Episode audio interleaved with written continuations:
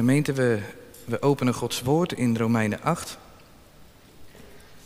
Romeinen 8 vanaf vers 28 tot en met vers 39. Het is de brief van Paulus aan de gemeente in Rome. Die bestaat uit Joden en Heidenen. Hij had die gemeente nog nooit gezien. Het is op zich al bijzonder dat hij dan denkt dat ze dezelfde God kennen en hetzelfde evangelie kennen. En hij heeft voor het stukje wat we gaan lezen eigenlijk wel het evangelie uitgepakt. En nu gaat hij wat gevolgtrekkingen doen, wat conclusies trekken. En dat doet hij op een vragende manier. En vanmiddag staan we stil bij enkele vragen uit vers 31 en 32. Maar lezen we eerst Gods woord vanaf vers 28 tot en met 39 uit Romeinen 8. En wij weten dat voor hen die God liefhebben, alle dingen meewerken ten goede. Voor hen namelijk die overeenkomstig zijn voornemen geroepen zijn. Want hen die hij van tevoren gekend heeft, heeft hij er ook van tevoren toe bestemd om aan het beeld van zijn zoon gelijkvormig te zijn. Opdat hij de eerstgeborene zou zijn onder vele broeders. En hen die hij er van tevoren toe bestemd heeft, die heeft hij ook geroepen. En hen die hij geroepen heeft, die heeft hij ook gerechtvaardigd. En hen die hij gerechtvaardigd heeft, die heeft hij ook verheerlijkt. Wat zullen wij dan over deze dingen zeggen? Als God voor ons is, wie zal tegen ons zijn? Hoe zal Hij, die zelfs zijn eigen zoon niet gespaard heeft, maar voor ons allen overgegeven heeft, ons ook met Hem niet alle dingen schenken? Wie zal beschuldiging inbrengen tegen de uitverkorenen van God? God is het die rechtvaardigt. Wie is het dan die verdoemt? Christus is het die gestorven is, ja wat meer is, die ook opgewekt is, die ook aan de rechterhand van God is, die ook voor ons pleit. Wie zal ons scheiden van de liefde van Christus? Verdrukking, of benauwdheid, of vervolging, of honger, of naaktheid, of gevaar, of zwaard? Zoals geschreven staat, want omwille van u worden wij de hele dag gedood. Wij worden beschouwd als slachtschapen, maar in dit alles zijn wij meer dan overwinnaars door Hem die ons heeft liefgehad. Want ik ben ervan overtuigd dat nog dood, nog leven, nog engelen, nog overheden, nog krachten, nog tegenwoordige, nog toekomstige dingen, nog hoogte, nog diepte, nog enig ander schepsel ons zal kunnen scheiden van de liefde van God in Christus Jezus, onze Heer. Tot zover de schriftlezing. Gemeente, de preek van vanmiddag zal in bijzonder gaan over vers 31 en misschien nog een enkele minuut over vers 32. Dat hangt af van de klok op dat moment. Maar ik zal u de verzen voorlezen. Romeinen 8, vers 31. Wat zullen wij dan over deze dingen zeggen? Als God voor ons is, wie zal tegen ons zijn? Hoe zal Hij, die zelfs zijn eigen zoon niet gespaard, maar voor ons allen overgegeven heeft, ons ook met Hem niet alle dingen schenken? Gemeente, ik zet boven de preek vanmiddag God onze vaderlijke beschermer. Want daar gaat het wel over. Het woordje God ziet in bijzonder op de vader in die verse. Daar gaat het over. God onze vaderlijke beschermer. Gemeente, we zongen net Psalm 73. En daar staat onberijmd als we iets verder hadden gezongen. Als nu mijn vlees, als nu mijn hart bezwijkt, dan is God de rots van mijn hart. Hij is mijn erfdeel voor altijd. Daar wil Paulus, en natuurlijk daar wil God die achter Paulus aan het woord is, u en mij vanmiddag brengen bij die beleidenis, bij die rots. Wat er ook gebeurt met mijn gezondheid, of ja, wat er ook gebeurt met, met mijn hele bestaan, God is de rots van mijn hart. Dat is ook de enige terechte gevolgtrekking als we het evangelie een beetje gaan begrijpen. Want hier aan het eind van hoofdstuk 8 wil Paulus daar ook naartoe. Hij heeft hiervoor het evangelie uitgelegd. En dan wil hij dat degenen die deze brief lezen, horen, dat die in het geloof de gevolgtrekking doen voor zichzelf op grond van de fundamentele evangeliewaarheden die hij heeft uitgelegd. Nou, dat klinkt misschien een beetje ingewikkeld voor de jongeren, gevolgtrekking. Wat is dat dan? Nou, dan moet je gewoon voorstellen, jongelui, als je naar buiten loopt en het plenst dat het regent en je hebt geen paraplu, dan snappen we allemaal wat er gebeurt, hè? Dan word je kletsnat. Nou, dat is een gevolgtrekking. Je loopt naar buiten als het regent, wat gebeurt er dan? Ja, kletsnat. Nou, wat gebeurt er nu als de Heer Jezus je redder is en God je vader? Wat gebeurt er dan? Daar gaat het vanmiddag over. Die conclusie, op basis van die wetenschap, daar draait het vanmiddag om. En we noemen dat de vaste rots. Paulus die wil u en mij aan het denken zetten. Daarom begint hij met de vraag: wat zullen wij dan over deze dingen zeggen? Hij vraagt dat heel bewust. Deze dingen. Nou, dan moet u denken aan het evangelie, wat hij vanaf 1 vers 16 heeft uitgepakt in deze zendbrief. Dus, dus alles wat over het evangelie gaat. En dan vraagt hij, gemeente, wat zegt u daarvan? Het is als het ware dat hij even stopt en u even op de schouder tikt zo. En aan het denken wil krijgen. Hij vraagt wat u ervan vindt. Wat jij ervan vindt, ook thuis als je meeluistert. En, terwijl u nadenkt, wil Paulus dat u reageert. Dat u een geloofsconclusie gaat trekken. Heel concreet wil hij vanmiddag dat u, terwijl u nadenkt over het evangelie, in dat licht gaat leven. Als kind. Wat zullen wij tot deze dingen zeggen? Nou, om die vraag te beantwoorden gaat Paulus ons voor. Hij, hij haalt even diep adem en ik stel me zo voor dat hij even zijn pen in de inkt doopt. En hij denkt terug aan wat hij allemaal heeft gezegd en hij kijkt vooruit naar uw en mijn levenspraktijk, waar het evangelie moet gaan functioneren natuurlijk. Daar kijkt hij naar vooruit en dan begint hij vragen te stellen. En dan stelt hij een tweede vraag om de eerste vraag te beantwoorden. Hij vraagt, als God voor ons is, wie zal dan tegen ons zijn? Dat is zijn eerste gevolgtrekking. God staat aan mijn kant. Wie kan er dan nog tegen mij zijn? Dat betekent het woordje hyper in het Grieks. Hè? Voor betekent hij staat aan mijn kant, hij hoort bij ons. Nou, twee dingen wil ik er vanmiddag uitlichten. Wat dat betekent als we kijken naar dat zinnetje als God voor ons is. Want over welke God had Paulus het gehad hiervoor in de brief? Nou, daar gaan we echt niet helemaal naar kijken. Maar twee dingen wil ik er uitlichten. Paulus had eerst uitgelegd aan de gemeente van de Galaten dat God een God is die goddelozen rechtvaardigt. Het zijn lastige woorden, ik zal het even proberen toe te lichten. Hij had dus die Joden en die heidenen geschreven allemaal dat iedereen die zonder de Heer Jezus leeft, die zondig is, dat die, daar had hij een heel krachtig woord voor gebruikt, dat hij doemwaardig is. Dat had alles te maken met God als rechter. Dat had hij uitgelegd. God die moet oordelen naar zijn recht over alles wat niet deugt. Maar toen was hij niet alleen die oordelende gerechtigheid van God gaan uitleggen, maar ook de reddende gerechtigheid van God. Hij had dus uitgelegd dat inderdaad, zo staat het ervoor, voor God als rechter. Maar God die had zelf, diezelfde God, had zelf in het evangelie voorzien voor redding. Door het geloof in de Heer Jezus. Voor alle mensen. Voor Jood en voor Heiden. En hij had gezegd dat ieder die dus gelooft in de Heer Jezus rechtvaardig verklaard wordt. Dat is ook zo'n rechtszaalwoordje, maar dat betekent vrijspreken. Onschuldig verklaren. Niks aan de hand. Het is glad. Rechtgezet worden, dat. Dat had hij uitgelegd, dat ieder die de toevlucht neemt tot de Heer Jezus, zich vasthoudt aan Hem, die is vrij.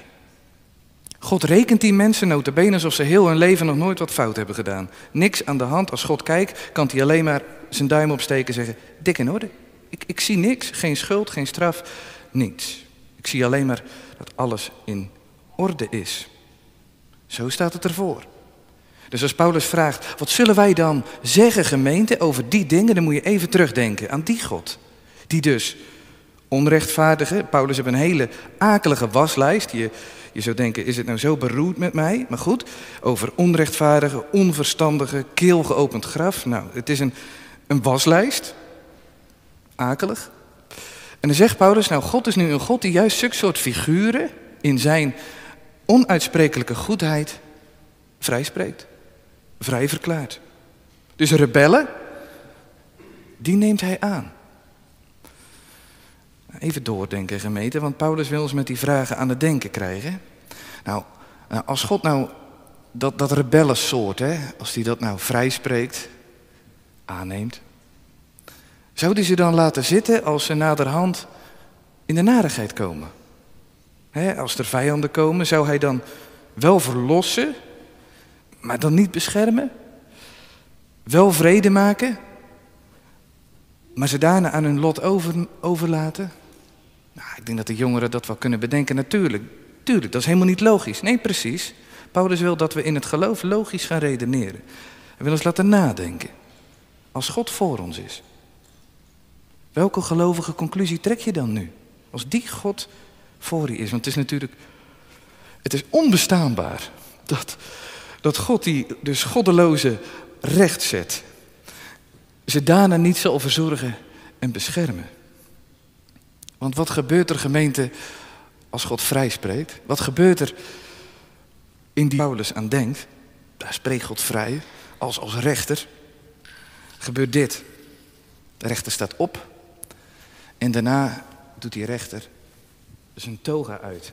Dat gebeurt er. Hij doet zijn toga uit. Voor eeuwig. En daarna doet die rechter nog iets. Als hij die toga uit heeft gedaan, daar is hij heel blij mee. Dan loopt hij de rechtszaal in naar zo'n verloren zoon of zo'n verloren dochter. En dan, dan, dan omhelst hij die innig. Vol liefde. Teder. En dan verklaart hij zijn liefde. Dan zegt hij, ik zal niet meer op je tonen, ik zal niet meer op je schelden. En, en het zou kunnen zijn dat bergen en heuvels wankelen. Is niet zo. Nou, nog veel minder mijn liefde. Die is vast. Dat gebeurt er. Hij verklaart zijn verbondsliefde. Heel eenvoudig, even onthouden. Hè? Wat zullen we zeggen over deze dingen? De rechter wordt vader. Voor altijd. Die toga gaat uit. Dat gebeurt er. Als je de Heer Jezus omhelst, verkiest, vlucht naar hem, dan gaat die toga uit. En wat dan vaststaat is dat er voor altijd milde handen, vriendelijke ogen zijn. En, en wat die vader dan doet, hij loopt niet alleen zonder die toga naar je toe en hij pakt niet alleen je rechterhand, maar dan adopteert hij je. Dan schrijft hij je in in de burgerlijke stand in de hemel. Dan neemt hij je mee als broertje, zusje van de Heer Jezus. Dat gebeurt er. En die hand laat hij nooit meer los. Dat Paulus allemaal uitgelegd. Laat hij nooit meer los. David in het Oude Testament had dat ook begrepen. Daarom komt hij in Psalm 16, dat zongen we, komt hij heel eenvoudig zeggen: Ja, ik zal niet wankelen. Maar waarom dan niet? David wist dat. Hij zegt: Nou, God is aan mijn rechterhand. God is aan mijn rechterhand. Kon ook niet anders. Want als God in je leven komt en die toga gaat uit en die wordt vader en hij neemt je hand, heeft hij die rechterhand vast. Had David in de gaten. Dat is het God voor ons gemeente. Als we nadenken over een gevolgtrekking naar het evangelie, God voor ons, te denken aan vader. Die zorgt. Als een rechtgeaarde vader draagt hij, beschermt hij, voedt hij op. Brengt hij thuis aan zijn rechterhand in het vaderhuis. Dus, dus die God, de God die dus goddeloze vrijspreekt, zijn togen uitdoet, die God is voor ons. Gemeente, wie zal er dan nog tegen ons zijn? Ja, niemand. Zo zou je gewoon, moeten, gewoon rustig moeten reageren. Niemand. En dan ook rustig blijven, dat wil Paulus. Hij wil dat u die conclusie trekt in uw leven, te midden van de omstandigheden waar u zit, als u om u heen kijkt, naar binnen kijkt, dat u dan nadenkt over die vraag, inderdaad, als die voor is, ja, ja. Ik probeer het heel pastoraal, want niet iedereen heeft zo'n makkelijke weg. Er zijn wat uitdagingen waar God je voorzet, wat problemen en moeilijkheden. En toch, wat Paulus hier wil, wat God hier wil, is dat u de gevolgtrekking doet vanmiddag, voor uzelf, en even ontspan. Gewoon jongelui, in jullie taal, even relax. Want er is maar één volk wat werkelijk relax kan leven. Dat is dit volk die deze vader heeft. Ook als de weg hobbelig is. God voor ons. Het is natuurlijk ook omgekeerd waar. We kunnen de zonnige kant laten zien. Maar wat sta je er alleen voor als God niet voor is? Als je niet bij die ons hoort, die de Heer Jezus kennen. Dan moet je jezelf redden. Dan moet je zelf door de moeilijkheden heen slaan. Dan moet je jezelf door het leven dragen. Dan moet je jezelf troosten. Dan moet je jezelf bemoedigen en jezelf met je spierballen spannen om het, om het maar voor elkaar te boksen. Dat is ook zo. En nog erger, ja, dan is die toga ook niet uit natuurlijk. Hè? Dan staat er nog steeds een rechter aan het eind van de loopbaan. Heb je daar zin in om daar naartoe te worstelen? Alleen? Maar het ontroerende is dat deze vader van die ons, dat hij nog op de uitkijk staat vanmiddag. Vol verlangen. Hij staat echt op de uitkijk. Al dagen. Hij staat op de uitkijk naar mensen die inderdaad nog dwalen. Die inderdaad, waar hij inderdaad nog tegen moet zijn als rechter. Maar hij staat op de uitkijk om die togen uit te doen. En dwalende verloren zonen en dochteren zijn vergeving bekend te maken en zijn liefde te geven. Zijn genade te bewijzen. In te schrijven in de burgerlijke stand in de hemel. Hij wil u terug hebben. Dat is zeker. Hij zal u ontvangen en verhogen als je gewoon komt zoals je bent en naar hem gaat. Vertellen, ja, u bent nog rechter, maar u bent mijn vader niet. En u, u neemt ze blijkbaar aan om uw togen uit te doen en uw liefde bekend te maken. Wil u mij ontvangen? Zijn antwoord is in het evangelie op voorhand al ja. Hij staat op de uitkijk, hè? Wat blijven ze toch uit Goes? Ik wil ze wel hebben. Die God is voor ons. Maar er is nog een aspect waar we op moeten letten als we het hebben over dat woordje God.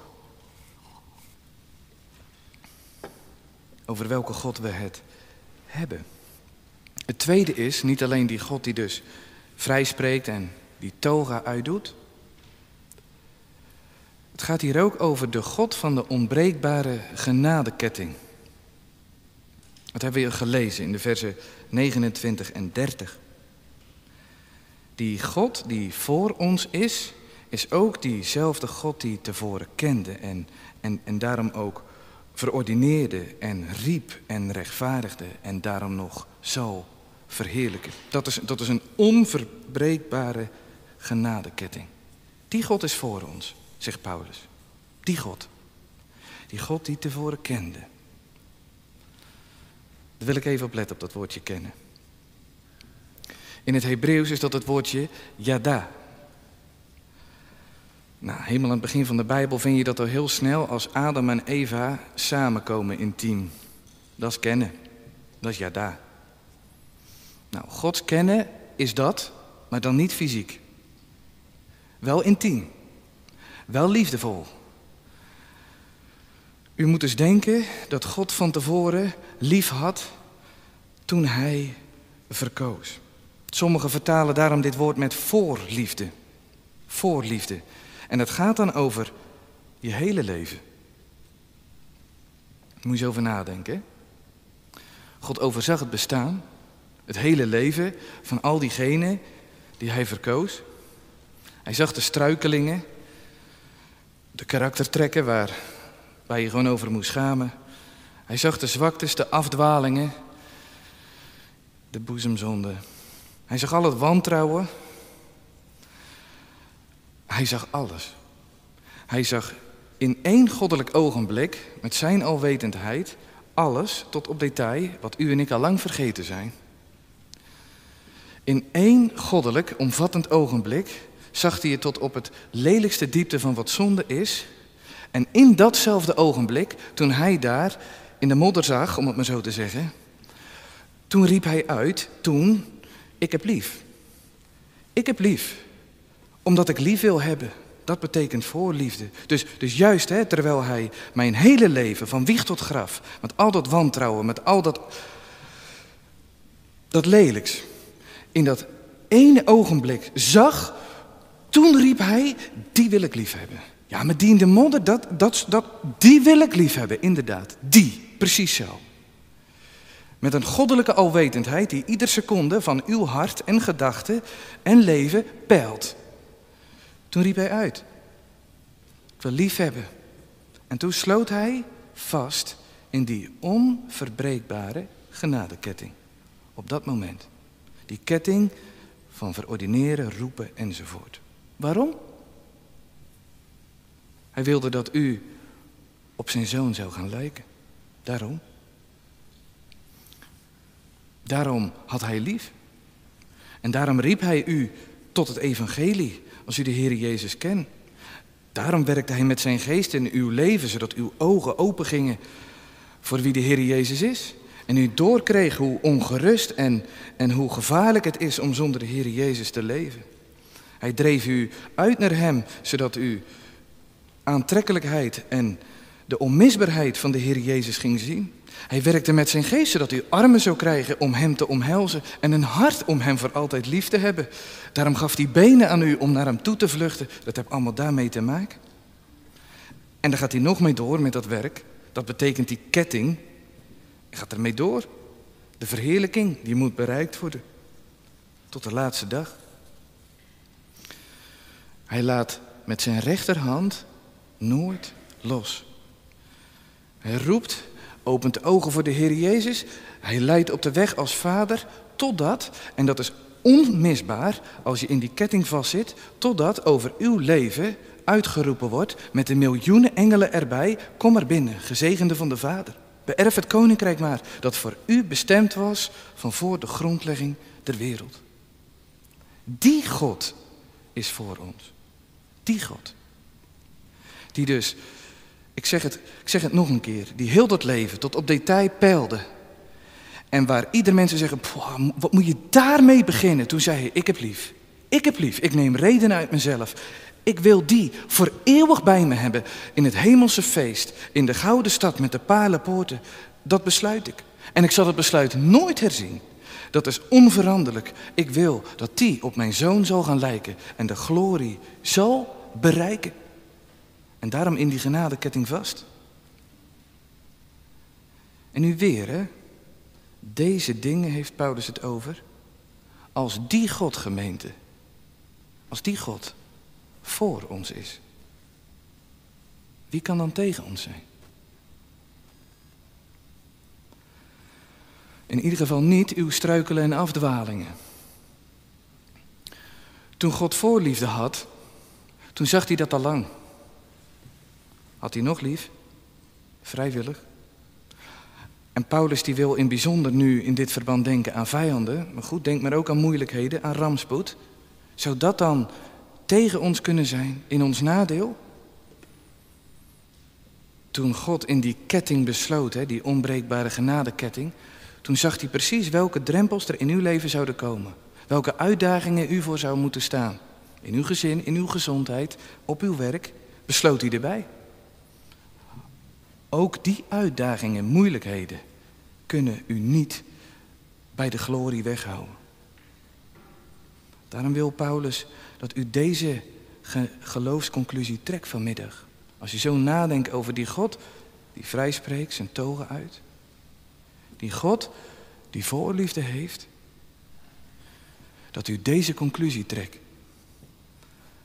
Als die God voor mij is, dan zal ik de hemelse heerlijkheid bereiken.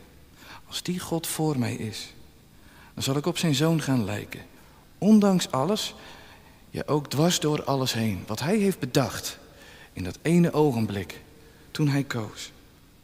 Er komt geen kink in de babel, in de kabel, door niets. Door niemand. Dat is zeker. Ik kom thuis. Met deze God. Daarom nog een keer de aansporing gemeente. Als we die vraag stellen. En we, we denken na wie die God is. Hebben we dan niet alle reden vanmiddag om wat te ontspannen? En ik weet het, hè, hoe bitter het kan zijn, hoe, hoe Gods voorzienigheid zijn gezicht kan fronzen. Maar toch, ontspan wat. God is voor u. Juist als de weg ook ingewikkeld is. Hoort dan wat Paulus vraagt als, als, als gevolgtrekking op het evangelie. Wat kan tegen u zijn? Zeg het, zeg het Asaf na. Ik weet het, die toga's uit. Vader heeft mijn hand gegrepen. Zeg het aan Asaf na. Ja, u hebt mijn rechterhand gevat. U zal mij leiden door uw raad en opnemen in uw heerlijkheid. Dat is de rots. Dat is de rots waar Paulus u wil hebben. Niemand kan tegen u zijn. Onmogelijk. Vader die leidt. Een vader zorgt. Het kan niet anders. Natuurlijk genoegzaam. Hij geeft geen glijbaan naar de hemel. Hij verwenst zijn kinderen niet. Nee, ze gaan op de Heer Jezus lijken. Moet je soms een stootje voor krijgen. Of een donkere weg voor gaan. Dat is zo. Maar als je in die onbreekbare ketting zit. Waarom dan onrustig? Waarom dan bezorgd? Ik heb bekering nodig. Dat ik zo weinig van vader ziet. Dat ik telkens maar weer voor ieder tentamen, voor ieder werkstuk, voor mijn scriptie denk: oh, hoe moet dat toch? Heb je dat niet? Moeilijkheden en uitdagingen. Niets kan tegen ons zijn. Niets. Maar goed, toch hapert er nog iets Paulus van. Paulus zegt dat nou wel, hè? Wie zal er tegen ons zijn? Maar als je nou Paulus zijn kleren uittrekt en je kijkt op zijn rug, dan zie je 195 rode strepen.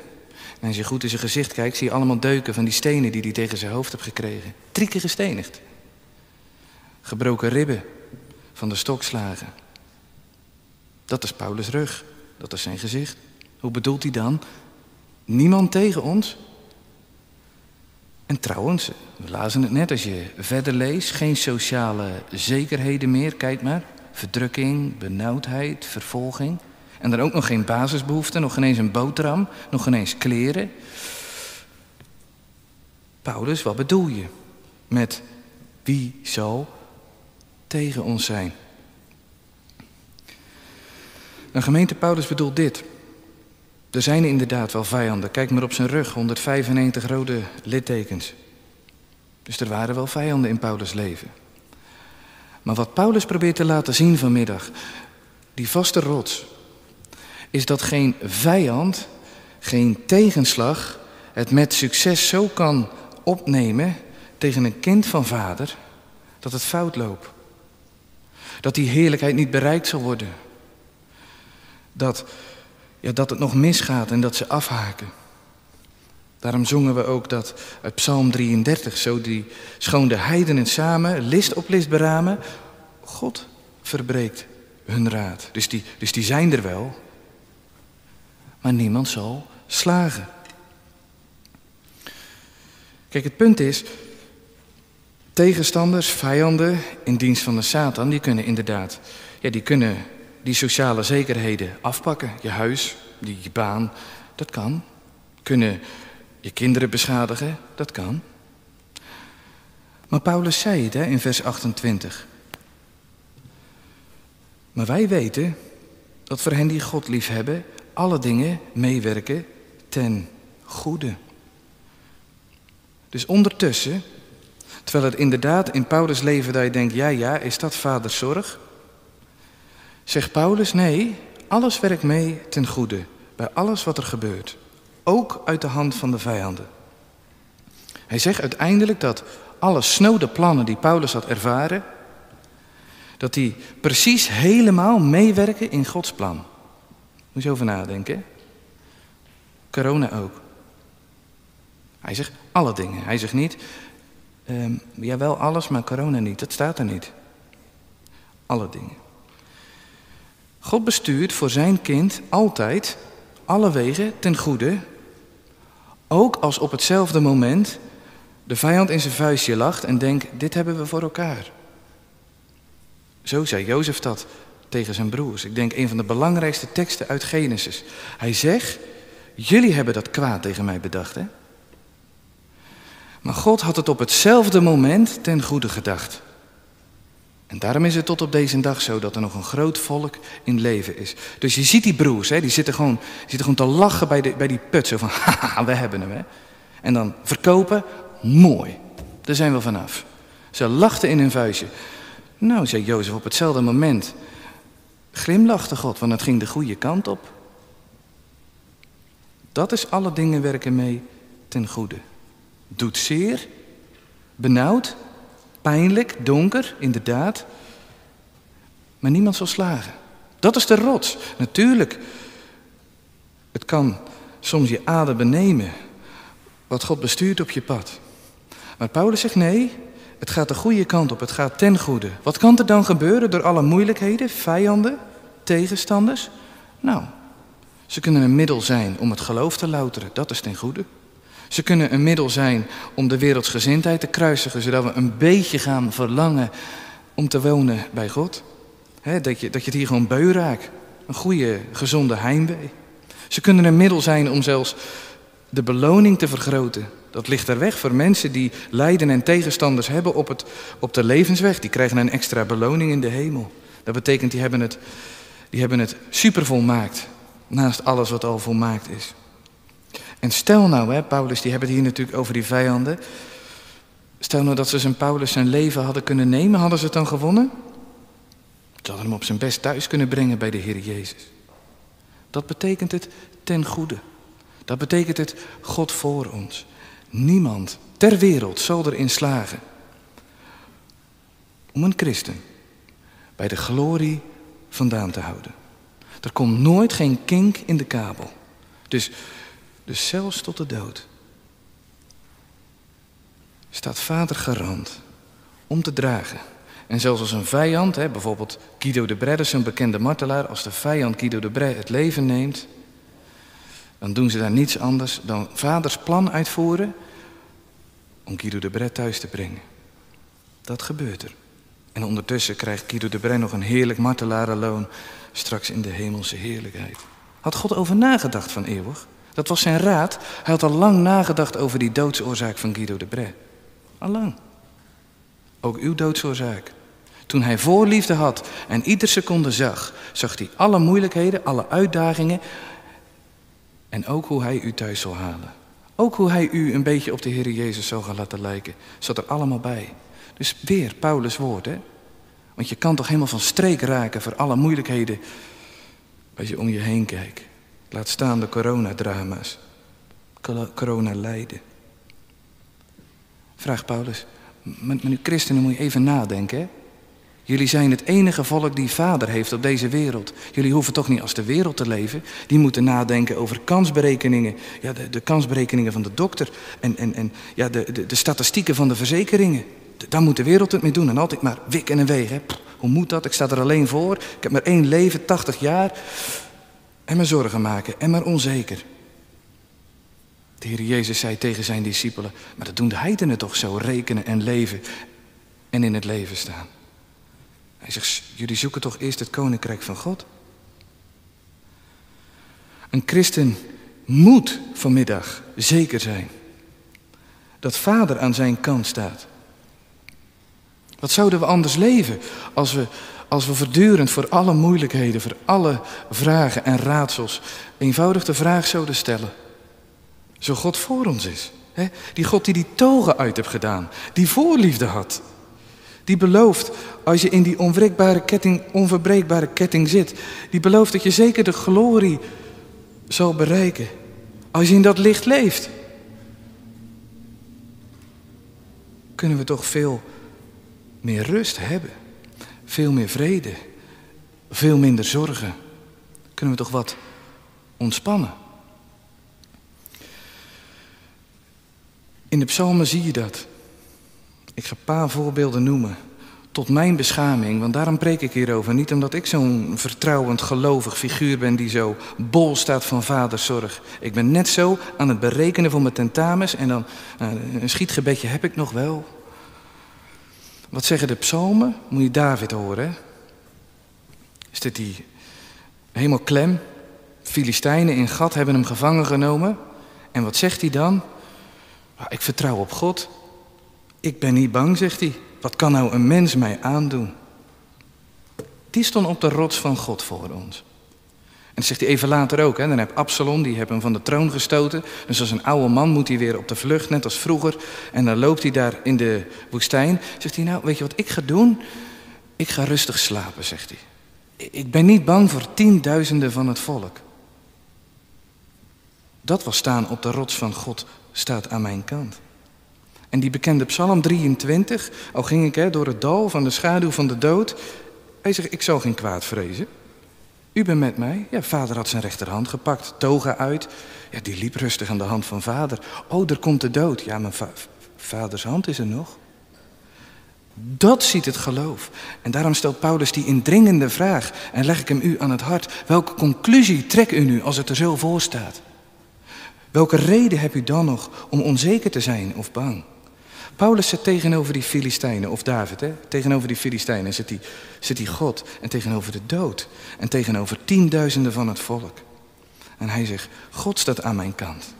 Ik heb geen reden om gestrest te zijn. Ik heb geen reden om statistische berekeningen hierop na te laten houden. Want ik reken met vader, dan is iedere som opgelost. Dit moeten we leren. De geloofsconclusie te trekken op grond van deze dingen. Op grond van het evangelie. En die vraag telkens, hè, voor alles wat intimideert, alle uitdagingen, alles waar je gewoon onzeker van wordt of stress van krijgt, zorgen van krijgt. Iedere keer die vraag stellen, maar, maar wacht even, vader is er toch aan mijn rechterhand. Het is wat donker. Ik weet toch dat, dat hij er is, want hij heeft het gezegd. Ik zie het niet, maar hier staat toch dat God voor mij is. Wat dan? Zo te leven, ook in deze crisistijd. Daarom beleden we nadrukkelijk, ik geloof in God de Vader, de Almachtige. Die God die de schepper is van die triljarden sterren, die ze notabene allemaal een naampje hebben gegeven. Kan u triljarden namen onthouden? En dan zegt hij in Jezaja 40, ja ze passen ook nog in mijn handje. Die God staat aan mijn kant, zegt Paulus. We beleden die God vanmiddag, zodat we in dat licht zouden leven. Rustig, als kind, ontspannen. Dat de wereld overspannen raakt, dat is te begrijpen. Dat wij overspannen raken, dat kan echt. Dat kan echt, dat is ook zo. Soms geeft vader die wegen. Maar het geloof ziet vaders hand, ziet zijn zorg, zijn beschermen. Hij staat aan mijn kant kinderlijke eenvoud. We zouden het eenvoudig mogen zeggen. Als vader die hand heb gegrepen en hij heeft zijn liefde verklaard. Alles wat er dan komt, het kan niet misgaan. Want die ketting, die is onverbrekelijk, onverbrekelijk. Het staat vast. Ik had nog een paar woorden willen zeggen over vers 32. Ik lees hem u voor, want we moeten echt gaan afronden. Paulus geeft er een verzekering bij, bij vader. Moet u eens even met me proberen mee te kijken, nog een paar minuutjes. Hij verzekert u en mij hiervan. Als vader zijn eigen zoon niet spaarde. Dat doen wij wel hè, met onze kinderen. Wij willen dat wij ja, dat ze een goed leven hebben, geen verdriet en dat ze onbezorgd kunnen bestaan. Hè? Nee, vader zegt, ik spaar mijn kind niet. Mijn zoon waar ik eeuwige vreugde bij had. Het voorwerp van mijn liefde van eeuwigheid tot eeuwigheid, mijn enige, die geef ik over om mensen in Goes te verzekeren van mijn bescherming. Dus als vader zijn eigen zoon niet spaart, maar overgeeft. En dat betekent overgeven aan de handen die zijn zoon zouden slaan, overgeven aan de vuistslagen van de duivel en overgeven aan zijn oordeel om hem te verbrijzelen, om de prijs te betalen als vader het allerkostbaarste gaf. Het allerheerlijkste, het grootste, uit liefde.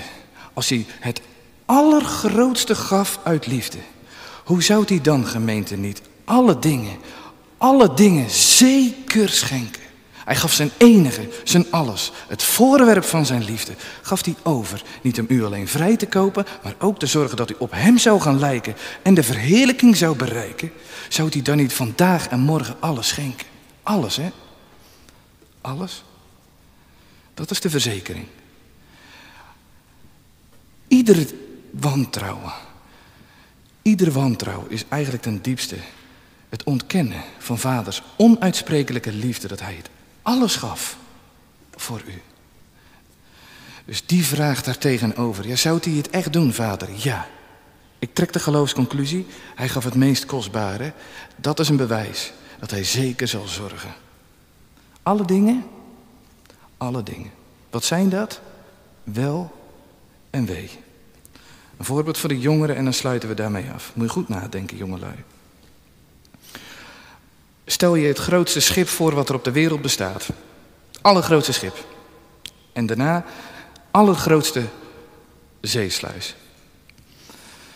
Dat allergrootste schip, hè, dat past dus precies in die allergrootste zeesluis. Nou, het allergrootste is de Heer Jezus in deze tekst. Dan moet je even denken, hij is dat schip. En dan de vraag, hè? Zouden nou al die andere kleine scheepjes op deze wereld ook door die zeesluis passen? Ja, natuurlijk toch, dat grootste schip past er toch? Nou, precies. Dat wil Paulus dat u dat snapt uit die woorden. En dan moet u goed kijken naar het woordje met hem in vers 32. Met hem. Weet je wat dat betekent? Die alle dingen, dat zijn kleine scheepjes, die zitten allemaal vast aan dat grootste schip, de Heer Jezus. Nou, dat allergrootste schip, dat paste door die sluis. Hè? Vader heeft alles gegeven.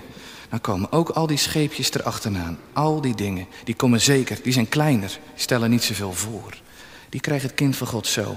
Zo, die tientjes tegenover die miljarden van de gaven van de zoon. Maar, maar, die alle dingen, dat zijn de scheepjes met zure appels. Vers 35. Verdrukking, lijden. De hele opvoeding. En dat zijn de zoete appels. Dus vader geeft het allerliefste. En dan geeft hij af en toe zo met hem, dat zit dan vast aan die grote reuzenboot die door die sluis is gegaan. Geeft hij af en toe ook een schip met zure appels. En wij me zorgen maken, hoe zit dat toch? Ik begrijp hem niet meer. Raadsels. Is dit Gods beleid met hem? Zullen we dat meenemen? En die vraag ook weer in geloof beantwoorden. Zullen we dat meenemen, gemeente? Met hem gaf hij ook dat schip met zure appels. Als we daarover nadenken en we zien dat dat schip vastzit aan de grootste gave van de Heer Jezus, dan zeggen we, ik denk toch, Vader, als ik zie op dat grootste schip waar het allemaal aan vastzit, de Heer Jezus, en ik zie die kleine scheepjes inderdaad met zure appels, maar het zit er aan vast aan de Heer Jezus. Vader, dan denk ik toch dat dat schip met zure appels wel wat zoeter is dan ik dacht.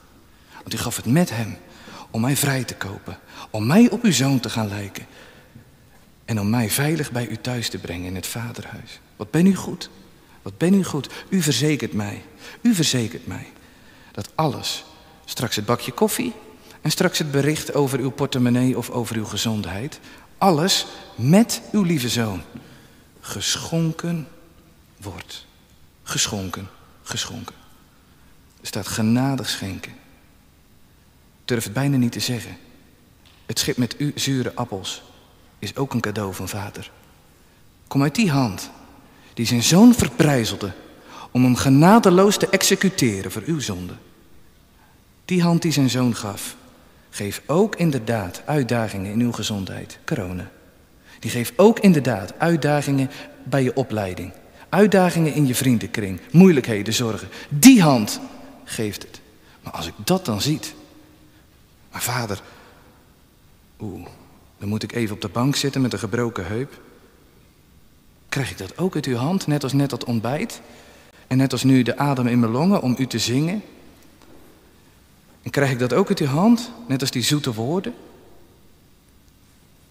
Misschien leren we dan zelfs een beetje danken voor schepen met zure appels. tijd schiet tekort om pastoraal dit aan te kleden. Maar laten we in geloof die vragen beantwoorden. Als hij zelfs zijn alles geeft, ja, dan is het toch zeker dat hij alles, alles met hem zal meeschenken, die kleine dingetjes in mijn leven, als hij zijn grootste gave gaf. Amen.